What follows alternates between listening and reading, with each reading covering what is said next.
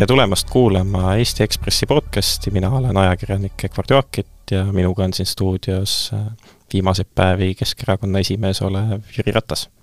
tere päevast ja aitäh kutsumast!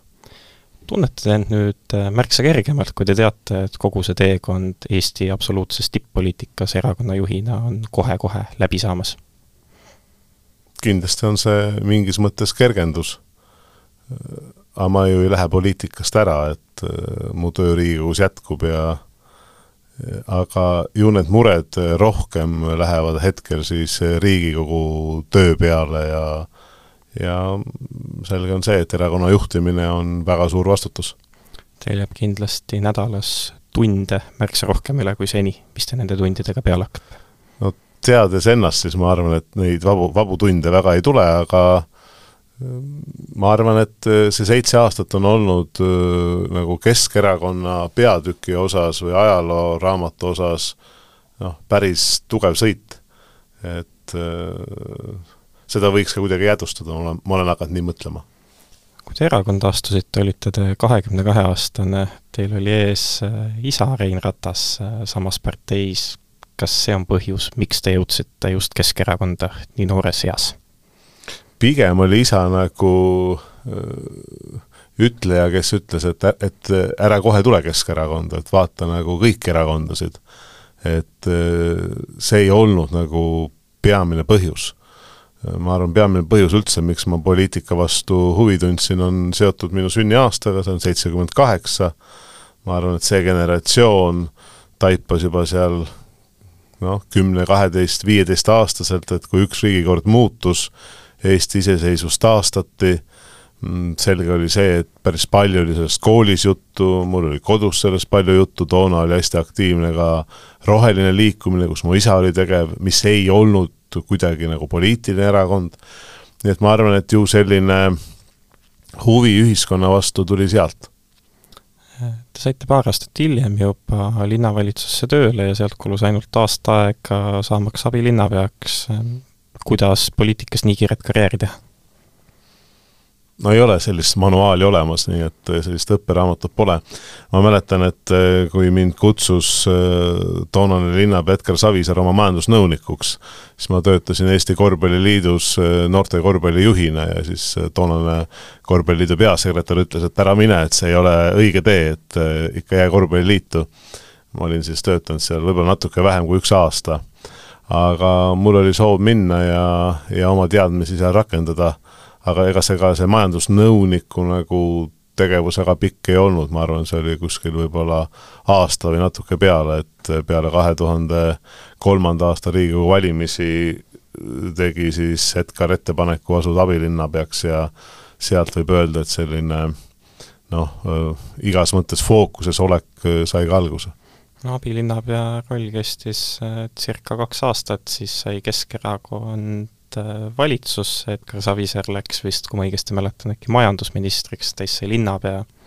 kõhklesite te üldse, kui te seda rolli vastu võtsite, ikkagi nii noor, nii vähe tipp-poliitikas olnud, mõtlesite, et kas ma saan nüüd hakkama? Võib-olla väike täpsustus, et kaks tuhat kolm, kui ma astusin abilinnapeaks, siis tegelikult kaks tuhat neli me kukkusime linnast võimult pooleks aastaks küll, et Reform toona siis meid umbusaldas, ta oli meie partner ja pool aastat oli siis äh, Reform ja Res Publica olid siis, moodustasid koalitsiooni, minu meelest oli ka vist Rahvaliit seal ja, ja Tõnis Palts oli linnapea.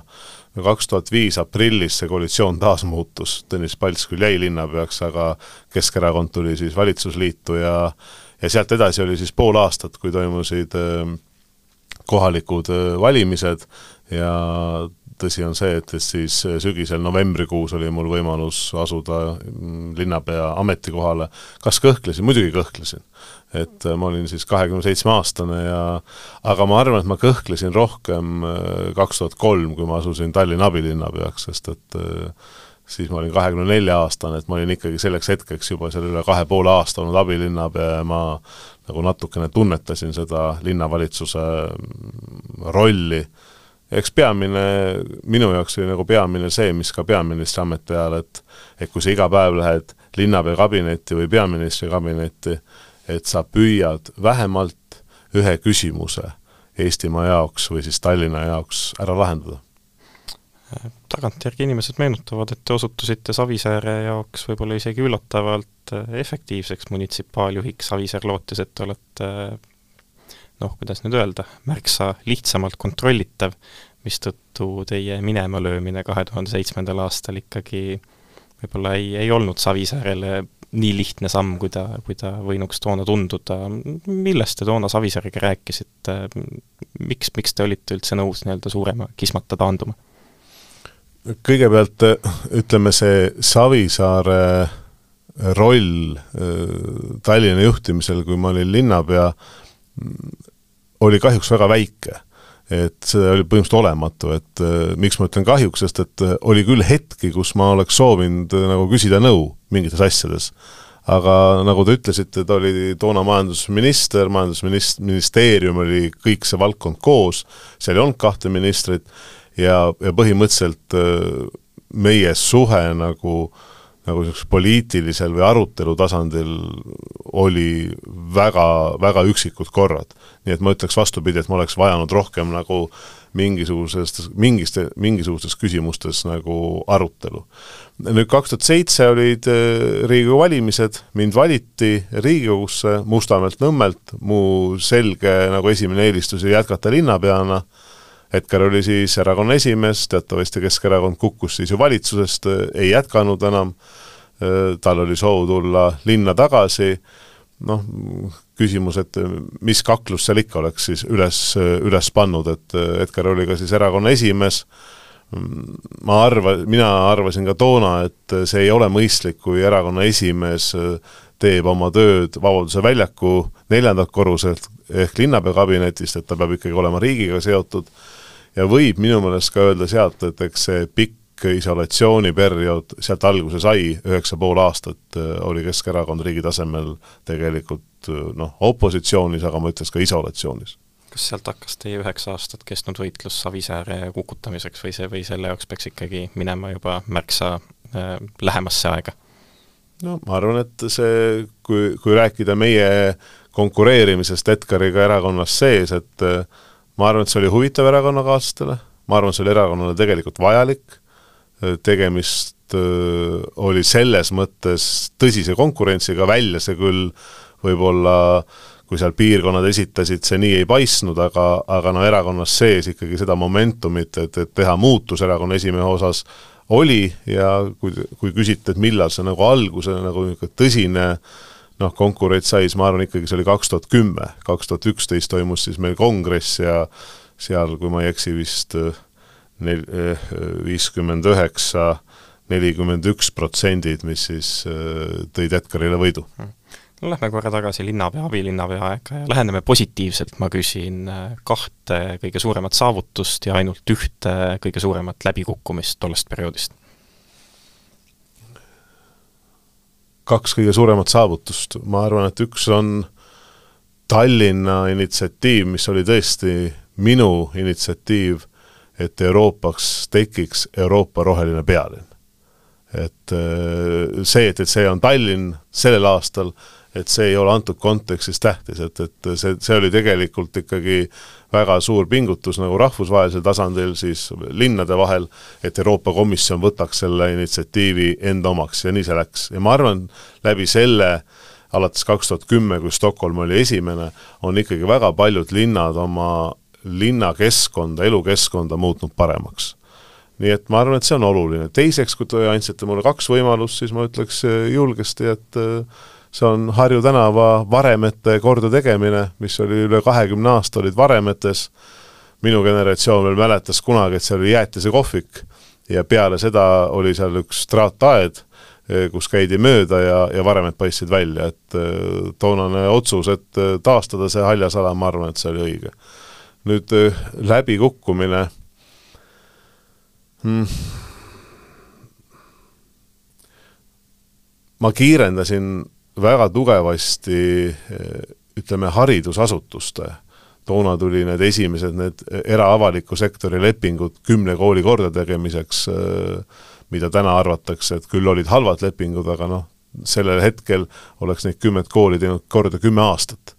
et siis sai ühe aastaga korda kümme haridusasutust pluss lasteaiad, aga miks see läbikukkumisest ma tahan rääkida, vastaja oli see, et, et neid haridusasutusi võinuks veel kiiremini teha korda.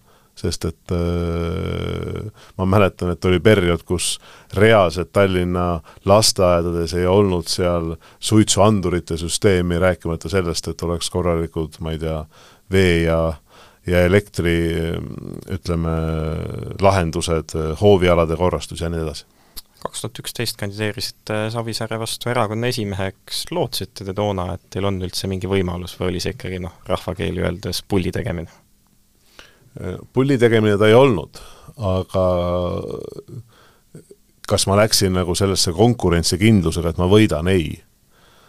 samas minu selja taga olid ju väga olulised äh, erakonna poliitikud, kes mind toetasid, et äh, Siiri Oviir, Toomas Varek, Ain Seppik, Kalle Laanet, Rainer Vakra, et äh, selge on see, et nad sel hetkel olid ikkagi ka riigi tasandil äh, noh, väga tugevad, äh, tugevad mängijad mm, ka erakonnas sees. ja olid mõned poliitikud, kes, kellega me hiljem oleme väga head koostööd teinud, kes jäid toona Edgari poolele ja oli ka neid, kes siis jäid, ütleme, väga neutraalseks.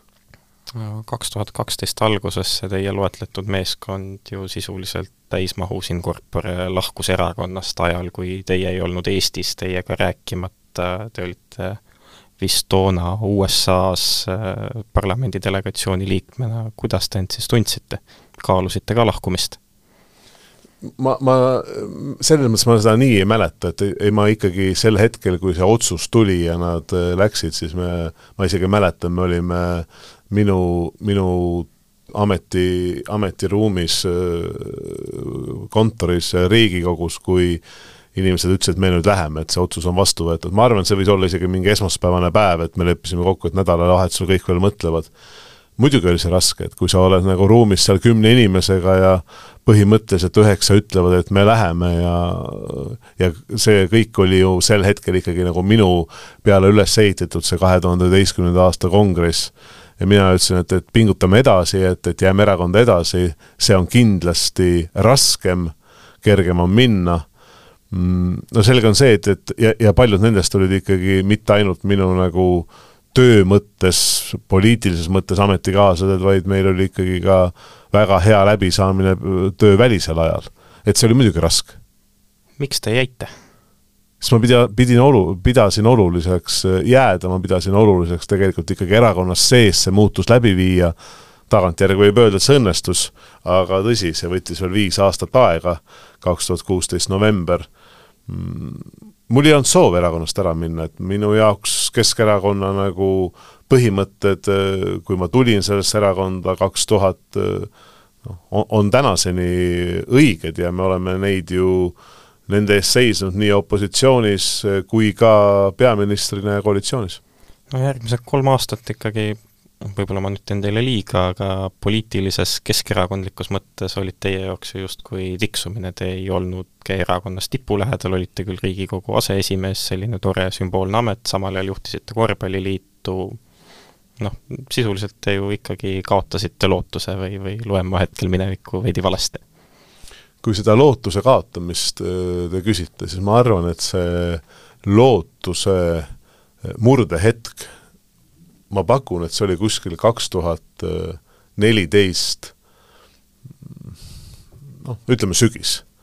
ma mäletan, et meil oli päris tõsine jutuajamine minu pinginaabriga, mul on Riigikogus olnud ainult üks pinginaaber, ütleme kuni peaministri ametini, nüüd, nüüd on, nüüd on muidugi rohkem, või noh, nüüd on teised inimesed, aga, aga toona oli, me istusime ühes pingis Kadri Simsoniga üheksa pool aastat opositsioonis, nühkisime seda pinki, oli raske küll. ja ma arvan, et see lootusetuse küsimus või ütleme, see see murdehetk oli jah, kaks tuhat neliteist sügis, kui ma ütlesin Kadrile, et lähme korra Riigikogusse, ma arvan, me istusime seal Riigikogu kohvikus ja ma ütlesin, et äh, kaks tuhat viisteist, mõne kuu pärast on Riigikogu valimised, äh, minu meelest on oluline, et Keskerakonnal on nagu tõsiseltvõetav peaministrikandidaat. Sel hetkel ei olnud mõtet rääkida nagu erakonna esimehest, sest seda kongressi ei olnud, aga peaministrikandidaat ja ma ütlesin Kadrile, et ma arvan, et sina peaksid see olema, et sul on kõik nagu selleks olemas. Ja kui sa seda täna ei võta, vedu, siis ma arvan, et mina lähen nagu poliitikast, astun välja, vot see oli see hetk. ja ma arvan, et Kadri ei mõelnud seda nii tõsiselt, et ma räägin. ta ütles, et noh, hea küll, et ta on nagu nõus selle peale mõtlema ja siis äh, sai tehtud, äh, toona oli juba sotsiaalmeedial suur roll, et mingi postitus, et ma arvan, et see võiks olla Kadri ja sellest õhtust äh, see asi läks väga tõs-, tõsiselt lendu. ma mäletan, et ma olin mõned tunnid hiljem Riigikogus, ma helistasin Kadrile, ütlesin, et õhtul Aktuaalne Kaamera nagu kutsus, et sellel teemal rääkima. et vot see oli see murdehetke koht no Kadri püüdis, aga lõpuks ei õnnestunud ja siis te jõudsitegi, ma saan aru, arusaamani, et nüüd tuleks pürgida Eesti Olümpiakomitee juhiks, mille jaoks oli ju suurepärane ettevalmistus korvpalli, korvpalliliidu juhina. korvpalliliidu aeg oli minu jaoks väga emotsionaalne, väga tegus aeg, väga huvitav aeg, see meeskond, see juhatus, kogu see korvpallipere oli, oli noh, me, me tegime ühte asja. seda enam, et sinna jääb nagu üks oluline verstapost, on kaks tuhat viisteist et, et kui oli Riias EM-i finaalturniir ja, ja kogu see, see ettevalmistus, tõsi, me tegelikult tulime ikkagi sealt koondisega ära, sealt finaalturniirilt noh, ütleme see bussireis, ma mäletan, Riiast Tallinnasse oli raske, sest et oli lootus, et me sealt lendame edasi Prantsusmaale, kus toimus siis selle finaalturniiri ütleme, finaalmängud, kuhu Eesti ei saanud. Ja toona oli väga tõsine koostöö ka Delfi, Delfi grupiga, see oli just see hetk, kui oli soov, et võimalikult palju neid korvpallimänge nagu nähakse üle Eesti, nii et, et ma arvan, korvpall arenes, meil oli sponsorid, nii et see oli, see oli hea periood. jah, sealt pinnalt oli päris hea kandideerida Eesti Olümpiakomitee presidendiks, seda enam, et tegelikult kaks tuhat viisteist ju see kongress, kus Kadri kandideeris Edgari vastu, et mõnekümne häälega jäi Kadri alla ja, ja ma mõtlesin tõesti tõsiselt väljumisele, kaks tuhat kuusteist kevad, kui ma ei eksi, oli see Eesti Olümpiakomitee siis konkurents Urmas Sõõrumaga. jah, see valimine vist toimus aprillis, kui ma ei eksi, siis äkki viisteist aprill. ma saan aru, et tegelikult te ju enne seda ikkagi ootasite, et teid valitakse EOK esimeheks ma olin selles üsna veendunud isegi peale esimest hääletusvooru, sest et esimeses hääletusvoorus, kui ma ei eksi, oli kolm kandidaati, Äh, Urmas Sõõrumaa, Tõnu Tõniste ja mina, äh, ma olin, äh, ma arvan, seal viieteistkümne, võib-olla isegi kahekümne häälega võitsin Sõõrumaad ja siis Tõnu Tõniste tegi ettepaneku, et kõik, kes on tema toetajad, tulge nüüd Urmas Sõõrumaa taha. Ja, ja siis Urmas ühe häälega võitis. Noh, ütleme sinna hetkeni ma olin üsna veendunud, et see asi läheb teistpidi, ei läinud teistpidi. Elus, äh, see näitab mitte ainult poliitikas, vaid igal pool, kus on valik, ka ühel häälel on väga suur kaal. no tegelikult oli ju tegemist märgilise sündmusega, mis oli omamoodi paradoksaalne, sest teile maksis kätte see, et Edgar Savisaar ei suutnud panna ennast ja enda ütleme, lähikondseid hääletama Jüri Ratase poolt, ta ei suutnud alla neelata seda, et Jüri Ratasest võiks saada mingi organisatsiooni juht. Ja noh, sisuliselt sellega kirjutas ta alla enda poliitilisele surmaotsusele no see on kõik tagantjärgi, eks ju, et neid, kes selle kaalukeeleks olid selle ühe häälega, neid on mul tulnud vähemalt kümme inimest rääkima, et tema hääl otsustas selle, et minust sai peaminister ja noh, seda on tore kuulda, ma võtan seda niisuguse väikese muigega, et aga nii, nii see oli ja noh, spordis on, et äh, iga iga, iga sajandik sekund või iga, iga punkt loeb ja, ja Urmas selle võitis, ma surusin talle kätt, ta on nüüd siin äh, siin meil on olnud mingit jutuajamist, on küsinud, kas ma oleks huvitatud uuesti Eesti Olümpiakomiteesse nüüd kandideerima, kui tal läheb teine ametiaeg läbi, et, et mu vastus on kindel ei. nii et see, see asi on te, läinud, aga ma mäletan sellest päevast küll, et see oli nagu päris kõva, kõva ikkagi nagu noh, ütleme sissesaamine ja siis ma mäletan, et, et, et mul isa saatis sõnumi, et ütles, et et kui saad, et tule maale, et teen sauna, et, et siis saame nagu arutada seda rasket teemat. no see õhtu ma minna ei saanud kahjuks. no sinna tuli kohe otsa presidendivalimised, kus äh, Mailis Reps otsustas Savisaare vastu erakonnas minna ja esimest korda Savisaart võideti Keskerakonnas. Ähm, seal mängis olulist rolli Jaak Aab, ma saan aru, et tema tõi aasta varem tagasi Kadri Simson ja Jaak Aab toodi siis nii-öelda fraktsiooni nõunikuks, ehk sisuliselt fraktsiooni tööd juhtima, kas Savisaar ei saanud toona aru, et Aab toodi tema võimu õõnestama? ma tahan nii palju veel selle Eesti Olümpiakomitee kohta öelda, et ma arvan, et mu lähimad võitluskaaslased erakonnas olid muidugi väga õnnelikud, et ma olid. selle häälega, ühe häälega kaotasin. ja nad ei teinud ka kuidagi sellest saladust. selles mõttes nad olid nagu ausad. nüüd Jaak Aabi osas nii, et palju, et peamiselt oli see minu ja Kadri mõte, mm, et Jaak tuleks tagasi, sellesse mingil hetkel tuli ka sisse Mailis Reps et, et Jaak tuleks üldse tagasi, ta oli Soomes minu meelest tööl sel hetkel ja, ja Kadri oli fraktsiooni juht ja tõsi on see, et, et Jaak võttis muidugi jah, väga tõsiselt seda äh, Mailisi presidendi mm, äh, ütleme, kogu seda kampaaniat vedada äh, ja mis ma veel äh, soovin äh, selle osas öelda, et kas Edgar nagu sai sellest aru või mitte, ma ei oska nagu öelda, et ma arvan ikkagi, et ütleme niiviisi et kaks tuhat viisteist valimised, Riigikogu valimised, kui toimusid, mõned nädalad hiljem juhtus Edgaril see terviseprobleem. noh, kui ta tuli siis tagasi, noh, ta oli, see tervis oli tal niivõrd räsitud, siis oli läbiotsimine ju hundisilmal ja nii edasi.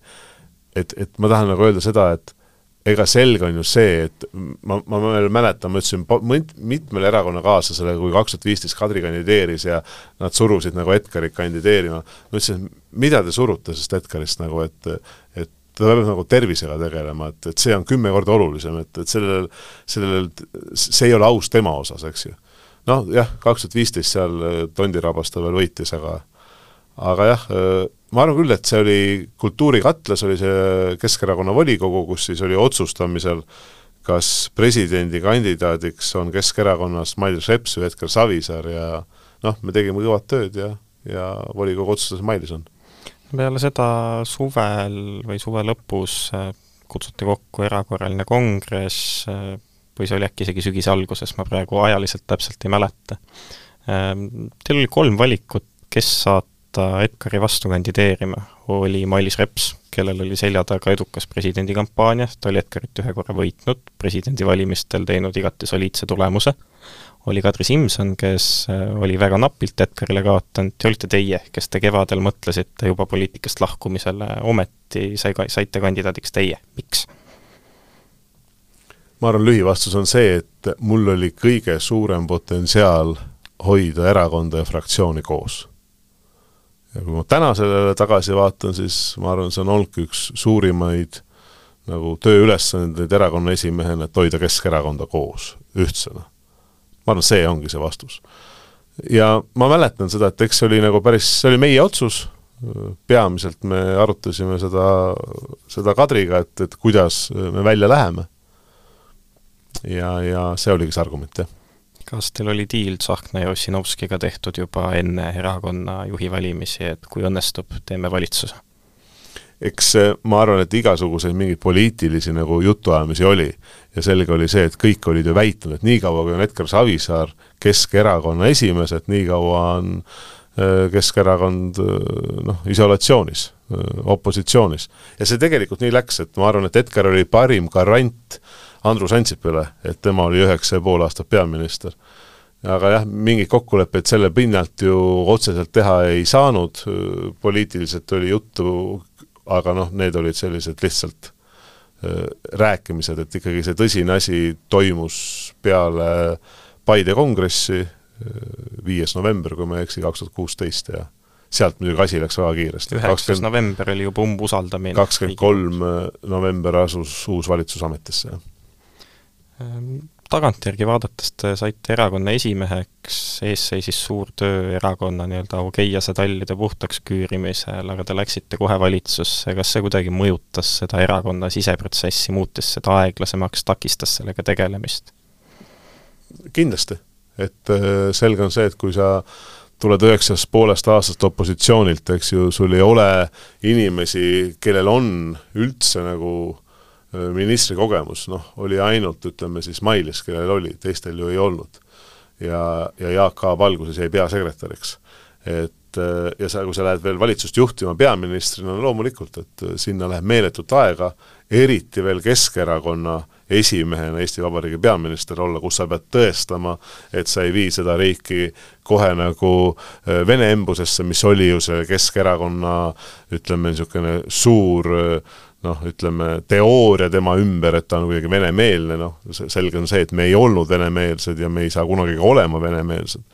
aga, aga noh, selline arvamus ühiskonnas oli, seda me ei saa ju, seda, seda fakti või seda, seda mõtet ma ei saa kuidagi maha lükata laualt ja eks erakonna sisse võinuks või noh, saanuks kindlasti rohkem tegutseda, kui, kui me, kas me oleks olnud koalitsioonis ainult partnerina või opositsioonis, aga noh, minu üks suur ju lubadus oli ka see, et ma teen kõik selleks, et tuua erakond isolatsioonist välja. ja ma, kui ma mõtlen nagu selle ajale tagasi, ma arvan, see on olnudki üks suurimaid asju, et et Keskerakond ei istu enam opositsioonis no valitsus alust... või vabandust, isolatsioonis ja valitsus alustas sisuliselt kohe kergemat sorti ämbriga, kui ministriks sai Martin Repinski, kes pidi kaks nädalat hiljem taanduma. tegelikult teil ju ei olnud selle otsuse tegemiseks, Repinski ministriks panemisest räägin, siis väga palju aega, see otsus tehti sisuliselt tunni aja jooksul, anti heakskiit. olete te tagantjärgi mõelnud, et, et oleks äkki võinud sinna panna kellegi teise? no kindlasti olen, aga need oleksid ei maksa ju midagi, et, et oli Martin selge on see, et äh, ei olnud sobilik, äh, igas mõttes polnud sobilik. Ja see sissesaamine tuli vastu võtta ja tuli teha kiiret otsus. ja ma arvan, et erakond näitas, ei, ta ei olnud ainuüksi minister, kes vahetus väga kiirelt, kui mingi skandaal tuli noh, ütleme Repinski, Korb, Mihhail Korb, ma arvan, see oli üks pool päeva või kolmveerand päeva, kui toimus vahetused. et selge on see, et, et poliitikas toimusid sel hetkel väga, väga kiiresti vahetused.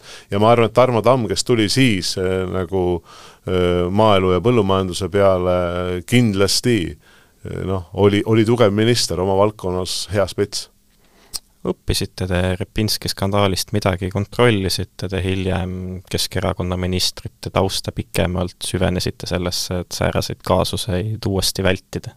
jah. ma isegi, ma arvan, et enne seda noh, ütleme, et see kõik oli nii ruttu ja uus, mul ei olnudki kõiki neid teadmisi, kuidas neid kontrolli asju läbi viia, et et loomulikult vastus on jah ehm, tagantjärgi mõeldes võib-olla oleks Keskerakonna poliitiline tulevik olnud hoopis helgem, kui toona ei oleks kohe valitsusse mindud, oleks erakonda puhastatud kolm aastat, mindud kaks tuhat üheksateist valimistele hoopis suurima opositsioonijõuna ja, ja äkki oleks sealt tulnud ka valimisvõit. olete sellise alternatiivse maailma peale ka mõelnud? ei ole, on vastus, et ma arvan, et me saime nagu kaks tuhat kuusteist, ütleme seal öö, novembri, ma ei tea, teisest-kolmandast nädalast ikkagi koalitsioonileppesse väga olulised ideoloogilised punktid, mille eest see Keskerakond oli opositsioonis kümmekond aastat seisnud, võtame kohalike omavalitsuse tulubaas, regionaalpoliitika, tervishoiupoliitika, pensionite süsteemi muutus, maksubaasi muutus, põllumajanduspoliitika, et need olid nagu kõvad postulaadid, millest me kogu aeg rääkisime opositsioonis ja me reaalselt tegime need ka ära sotside ja, ja Isamaaga. kaks tuhat seitseteist sügisel tulid kohalike omavalitsuste valimised, enne seda oli päris pikalt õhus et näiteks Yana Toom ei kandideeri Keskerakonna nimekirjas, tema lõpuks, ma saan aru, Mihhail Kõlvart oli see, kes ta ära rääkis, aga seal kõrval olid veel niisugused veidi väheolulisemad tegelased nagu Olga Ivanova, Oudekki Loone, lõpuks tegid nad Savisaarega oma valimisliidu kuidas sellel erakonnas sees äh, vaadati, mõtlesite, et äkki peaks Savisaare parteist välja viskama? ma paar asja ütlen, et kõigepealt äh, mis oli veel nagu selle valitsuse oluline mõte, oli ju see, et Eesti eesistumine. et kuidas nüüd see Keskerakond saab hakkama selles äh, Eesti eesistumises Euroopa Liidu e-, esmakordselt ja ma arvan, see, see, see, see töö oli ka ikkagi metsik välispoliitiline suhtlus, mida ma tegin siis kaks tuhat seitseteist esimesel poolaastal ja siis esimesest juulist see, see algas.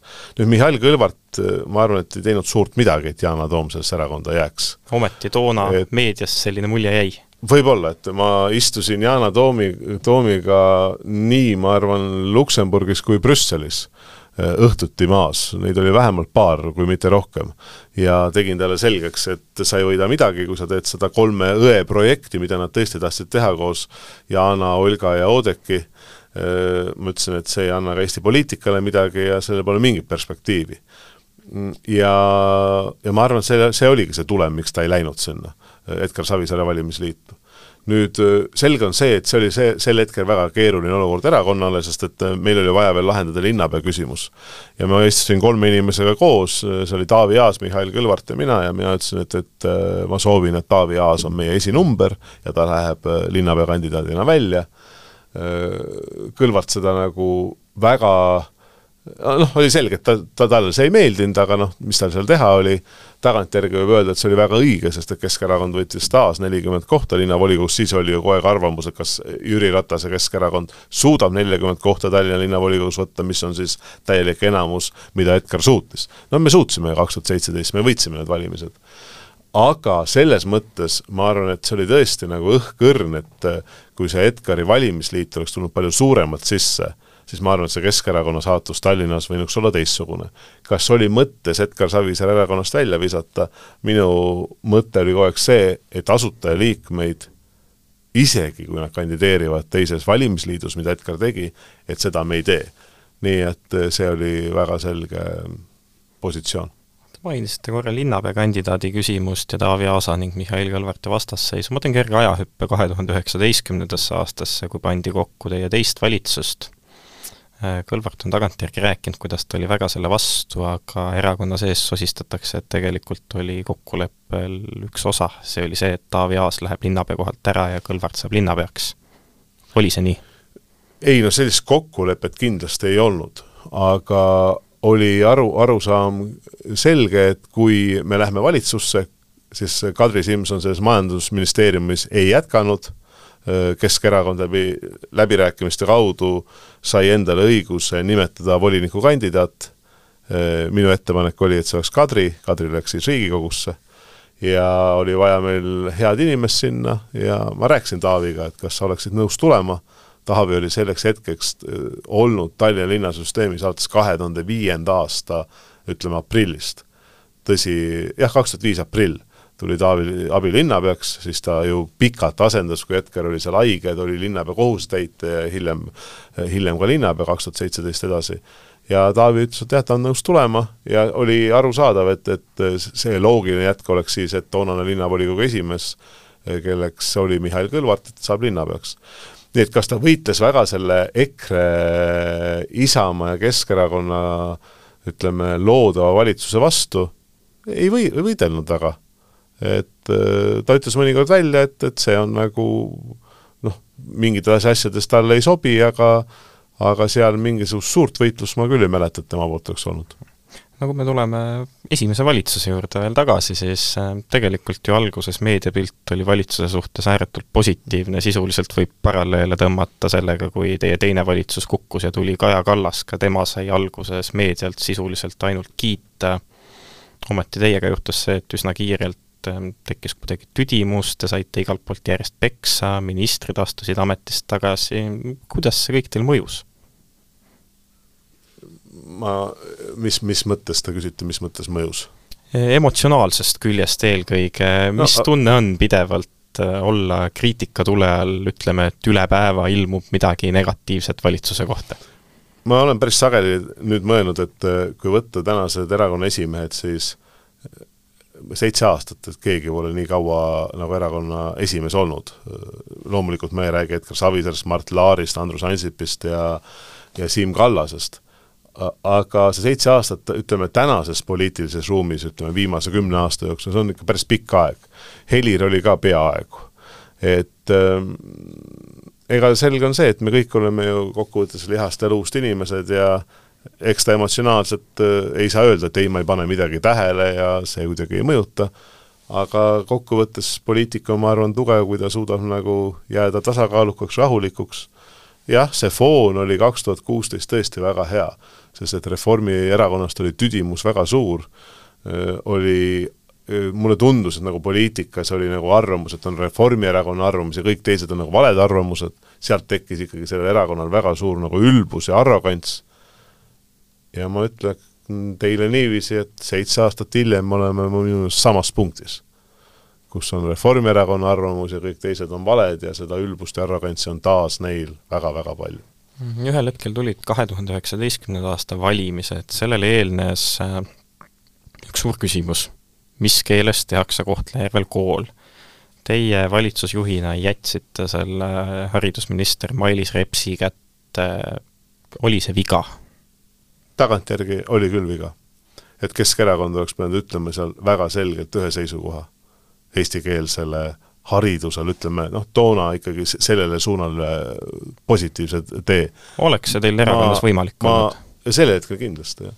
et ma eeldasin, et, et Mailisil on suur kogemus selles valdkonnas, see kindlasti oli, ja, ja eks Mailis ütleski ühel hetkel selle välja ja ütleme siis viis tundi hiljem piltlikult öeldes või ma ei tea, oli neid kümme tundi vahet, ütles täpselt risti vastupidise, mis keeles see õpe seal hakkab olema. Ja noh, selge on see, et sealt me, me kohti kaotasime, kuna see ei jäänud ainult lokaalseks küsimuseks, vaid see läks ikkagi üle, üle, üle vabariigi. Ja noh, täna, tänasel hetkel Riigikogu on ju otsustanud, et Eesti läheb üle eestikeelsele haridusele ja ja ma arvan, et kõik erakonnad, kaasa arvatud Keskerakond, peab sellele kaasa aitama ühel hetkel esimese valitsuse ajal said legendaarseks ka teie ümmargused vastused, tehti Jüri Ratase ümmarguste vastuste generaator, olete te seda ise kunagi kasutanud, proovinud sellelt midagi küsida? vastus ei ole. väga selge vastus. aga edaspidi on teie vastused iga aastaga märksa selgemaks muutunud, on mingid nõunikud ses osas nõu andnud, et kuidas selgemalt vastata või, või kuidas see protsess käinud on? Eks me kõik kasvame ajas, ka mina. aga nende pikemate vastuste osas ma tahan öelda seda, et äh,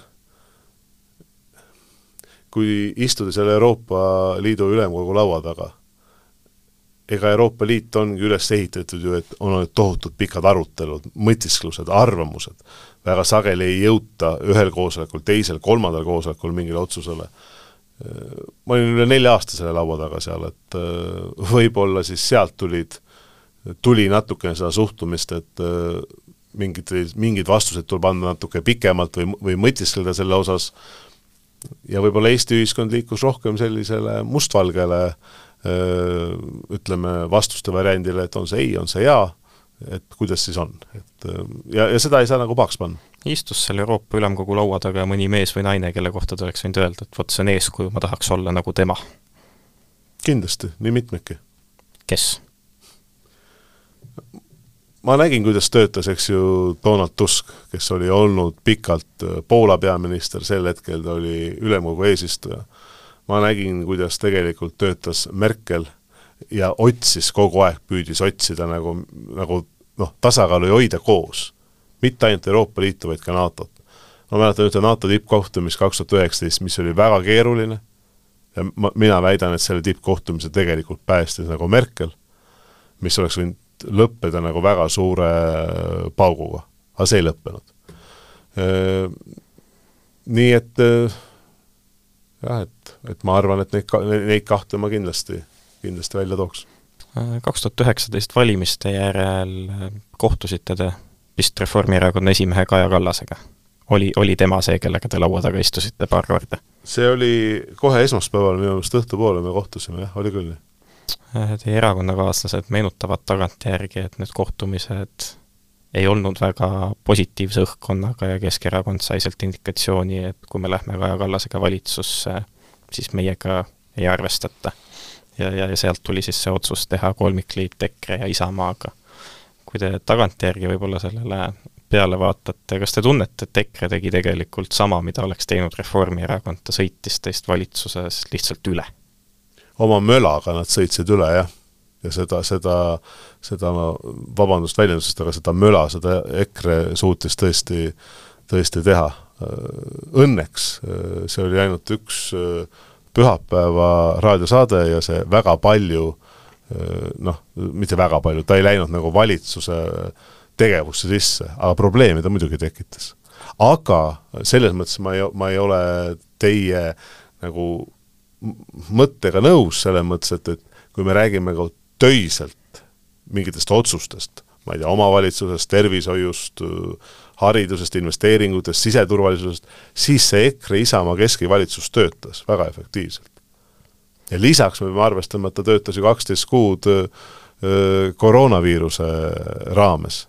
ja tegelikult, kui me vaatame tagasi, siis toona vist Eesti Pank ütles kaks tuhat kakskümmend, et majanduslangus tuleb üle kümne protsendi, tuli null koma kuus, kakskümmend korda väiksem, ma arvan, et valitsuse roll oli ikkagi selles esimeses kahes laines väga suur.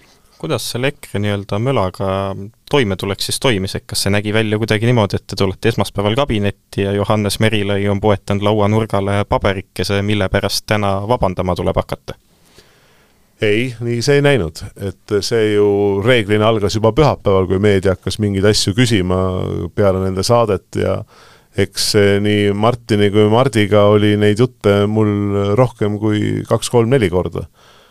kus ma ütlesin, et te peate sellega arvestama, et te võite olla väga atraktiivsed peale oma saadet meedias, aga oma partneritele, nii Isamaale kui, kui Keskerakonnale noh, see midagi head ei tee ja kokkuvõttes valitsusele see ei tee midagi head kaksteist jaanuar kaks tuhat kakskümmend üks, oli päev, kui peeti kinni Mihhail Korb, Kersti Kracht ja, ja Hillar Teder ja ma ei mäleta nüüd peast, kas seal oli keegi veel.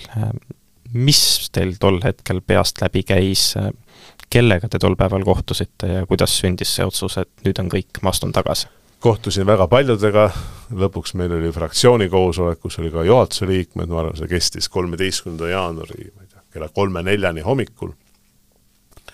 Mis ma mõtlesin, kaks tuhat kuusteist november, kui ma sain erakonna esimeheks, nagu ma ütlesin, et oli mul soov see erakond koos hoida, aga ka see erakond muuta korruptsiooni ja igasuguste menetluste vabaks erakonnaks.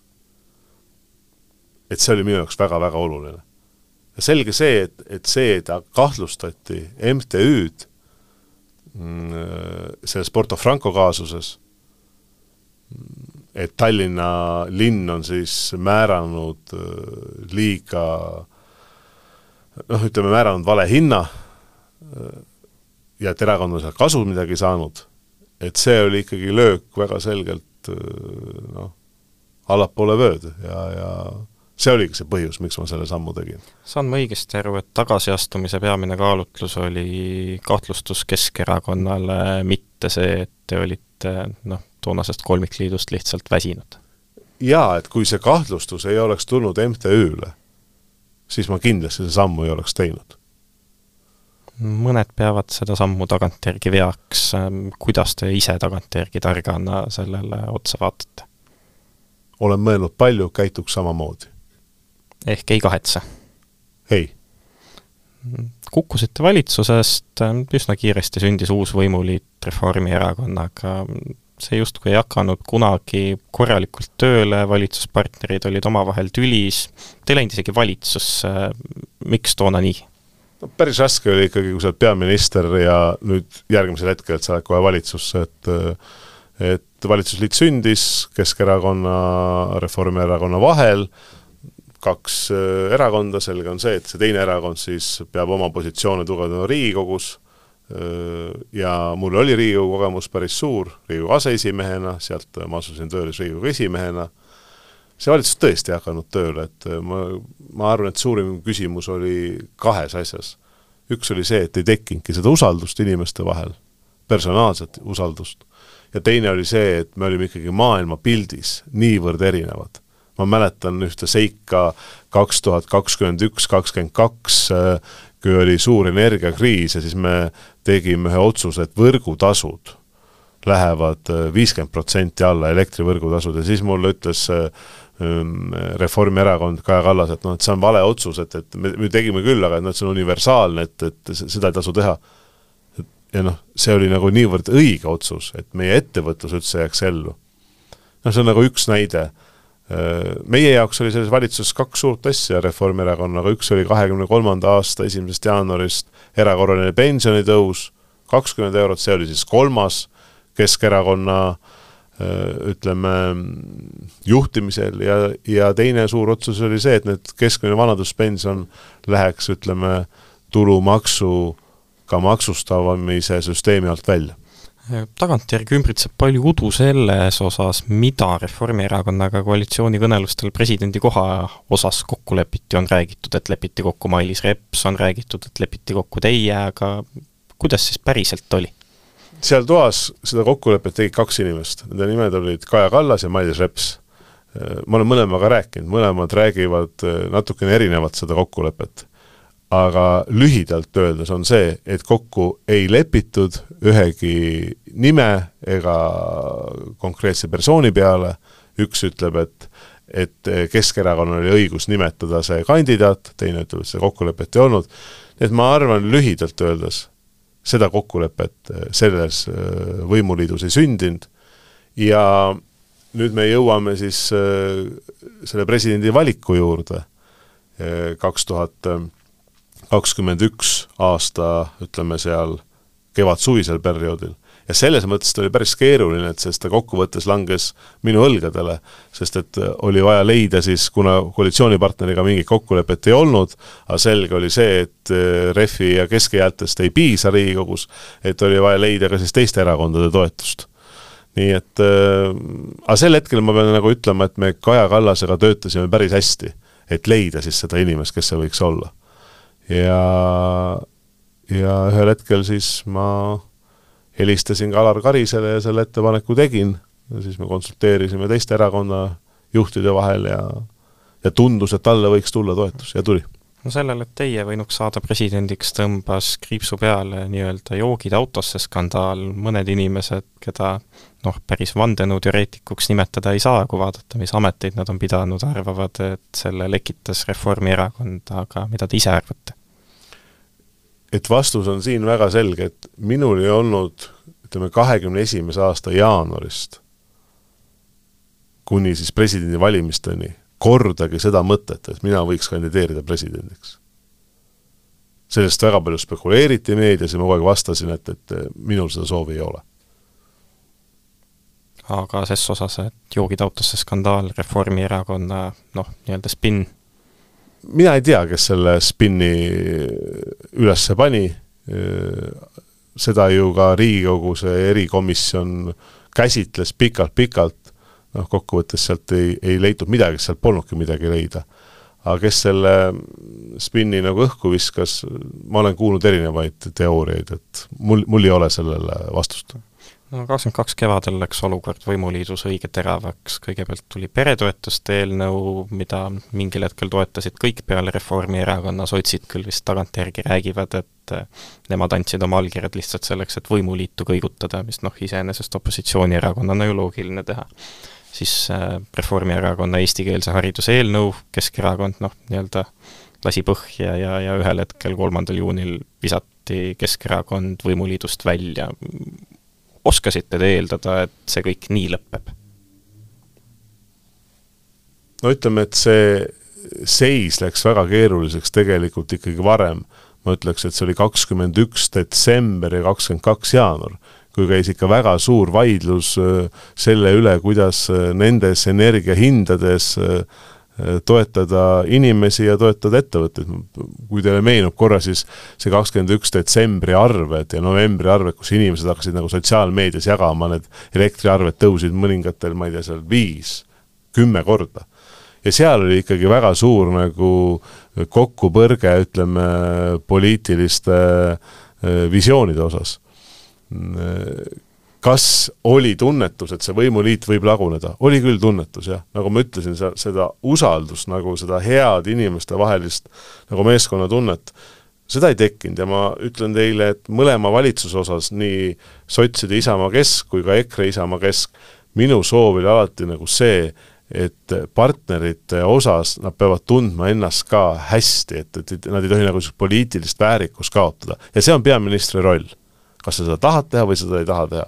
kas me kukkusime valitsusest, loomulikult see ei ole tavapärane, et antakse opositsiooniga sisse mingit eelnõud. aga see oli taas maailmavaadete põrkumine, sest meie soov oli tõesti neid inimesi aidata, kellel on laps või lapsed, kellel on suured pered. et tõsta lastetoetusi, tõsta perede toetusi Kaja Kallas on öelnud, et põhjus oli selles, miks see koalitsioon lõppes, et Keskerakond ei toetanud hari-, alushariduse üleminekut eestikeelseks.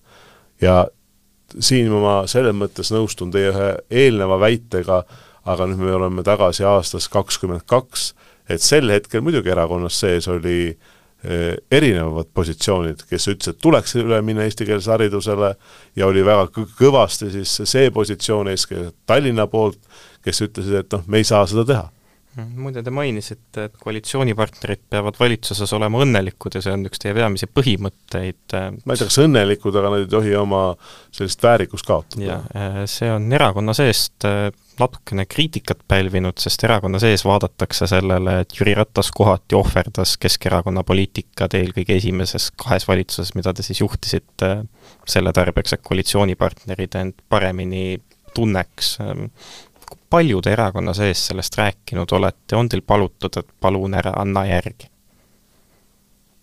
no neid poliitilisi vaidlusi, kui sa oled peaminister nelja aastane peaaegu iga nädal, eks ju, et et kas, kas siin või, või, või, või seal, et kus me seda kompromisse leiame, et poliitika on ikkagi, see on leierdatud lause, aga sellel on suur tõetera, et sa pead tegema kompromisse.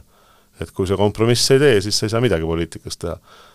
Nendes mõlemas valitsuses Keskerakond sai väga tugevasti viia oma poliitilist äh, ideoloogiat ja põhimõtteid ellu. tervishoiupoliitikas me muutsime pensionisüsteemi, ta oli ennem ainult kaldu sissetulekule, siis ta jäi sissetuleku ja staaži osas, noh tuleviku mõttes küll, aga see, see võrdsustus, need äh, proportsioonid, kohalike omavalitsuste toetamine, me rääkisime, te võite vaadata, kaks tuhat seitse kuni kaks tuhat kuusteist oli üks peamisi teemasid Keskerakonnal, me tõstsime kohalike omavalitsuste tulubaasi tagasi. ma ei tea, on mingid märgilised asjad, mida me tegime. ma ei tea, näiteks tasuta ühistransport maakonnasisene koos Isamaa ja sotsiaaldemokraatidega. ma ei tea, Rohuküla raudtee ehitamine, eks ju, et äh, Tallinna haigla algatamine, mille reform küll maha tõmbas. et neid näiteid on niivõrd palju, et äh, me muidugi ajasime äh, noh, väga selgelt meie maailmavaatelist poliitikat, põllumajandus, ma mäletan neid top-up toetusi, kuidas me rääkisime Riigikogus kaks tuhat viisteist, kuusteist, need olid kolm aastat null olnud, null eurot ja Euroopa Liit lubab neid maksta, me tõstsime nad maksimumsummale. ma arvan, kaks tuhat seitseteist oli see mingi circa kakskümmend miljonit. et eh, need olid Keskerakonna poliitilised põhimõtted, maksusüsteemi õiglasemaks muutmine eh, see viissada eurot tulumaksuvabastus, et need, need olid väga selgelt äh, noh, meie maailmavaade. kaks tuhat kakskümmend kolm valimised Keskerakond kaotas kümme kohta kahekümne kuue mandaadi asemel kuusteist, oli selle põhjuseks ainult Ukraina sõda või näete te tagantjärgi, et tegite ka mingeid teisi vigu? ainult kindlasti ei olnud, aga suuresti muidugi. et me näeme oma reitingutes kahtekümmet nelja veebruarit kaks tuhat kakskümmend kaks kus Keskerakonna toetus järgnevatel nädalatel, isegi päevadel kukkus seal viis-kuus protsenti. ja põhimõtteliselt see jäigi nii. Äh, mis veel oli põhjus, noh, selge on see, et, et meie rahakott, kui te vaatate neid valimisaruandeid, oli teiste erakondadega võrreldes, ma arvan, et kõige kõhnem vist Riigikogu valimiste, Riigikogu erakondadest mm, ja mis see põhjus oli, põhjus oli see, et me olime päris palju maksnud seda äh, Äh, jama kinni, mis äh, Edgari lõpu ajal erakond erinevate otsustega sisse, sisse sai. kindlasti ka mina saanuks teha asju paremini, iga inimene saab teha asju paremini, see on tagantjärgi tarkus. aga jah, ma arvan, see sõda domi-, domineeris, Eesti inimesed soovisid lippu, lipu taha koonduda ja selleks lipuks äh, märts kakskümmend kolm oli Reformierakond ja Kaja Kallas Te olete pidanud seitse aastat juhtima Keskerakonda sisuliselt nagu Kreeka peaministerriiki, nüüd võtab järgmine juht üle, võlad on kadunud, on kademeel ka? ma just korra mõtlesin selle peale, et see erakond on päris ilusti nagu korda tehtud. me oleme isolatsioonist väljas, meil ei ole nagu võlgu, aprillis tuleb veel maksta ära viimane, viimane makse nendest kohalike või Riigikogu valimistest, aga niisuguseid jamasid ei ole ei, mul ei ole mingit kahju või paha tunnet, et vastupidi, et ma olen õnnelik, see on ju minu erakond. et kui keegi küsib, et eh, kas äh, ma hakkan siit kuhugi minema, siis ma ütlen, see on minu erakond, ma ei lähe siit mitte kuhugi, ma näen, et Keskerakond seisab kõige õigemalt nagu nende probleemide ees, mis Eestis täna on, eh, ja ma tahan veel ühte asja öelda, et ikka kui see erakond nagu väga kraavi hakkab minema, siis tuleb ka aktiivsust taas erakonna sees tõsta. mida see nüüd tähendab? No see tähendabki seda, et, et äh, kakskümmend kolm aastat on ikkagi see baas, kus äh, ma ei lase sellel, sellel era-, erakonnal nagu minna oma rööbastest kõrvale, et erakond ei saa muutuda nagu ainult ühe regiooni, nagu ma teile ütlesin, kui Edgar oli erakonna esimees, ta muutus väga selgelt Tallinna erakonnaks. ja see ei ole hea.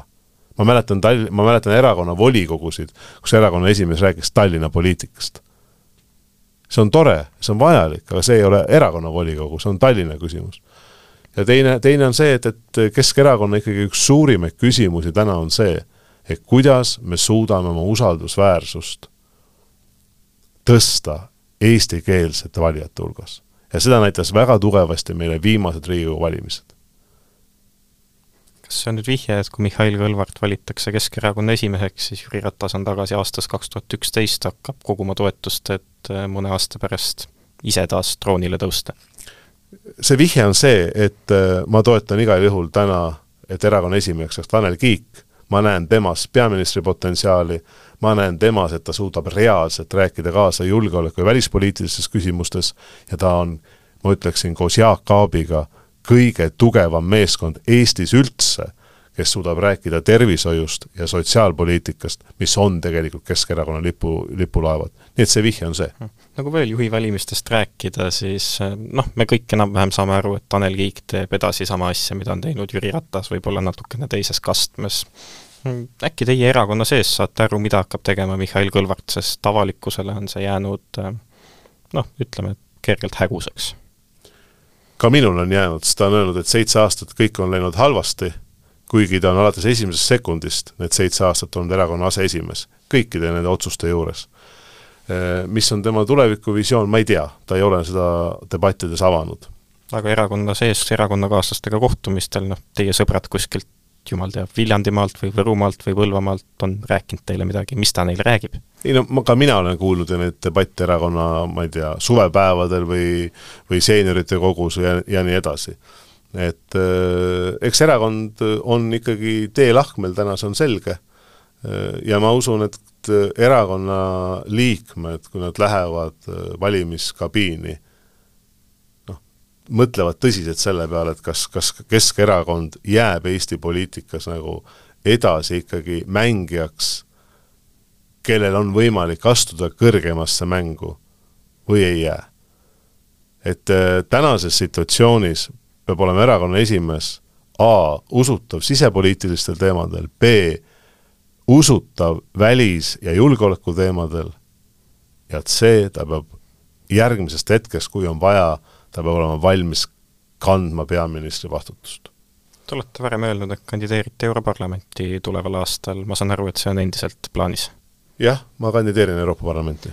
no kui mõelda tulevikuplaanidele, siis äh, konkurents Keskerakonnas on, on teil valimistel ilmselt päris tihe, võib eeldada, et teie, Kadri Simson, Yana Toom, äkki, äkki veel mõni tugev nimi, samas mandaate, noh, üks, heal juhul kaks, äh, oletame, et teil ei õnnestu Europarlamenti pääseda, mis te edasi teete?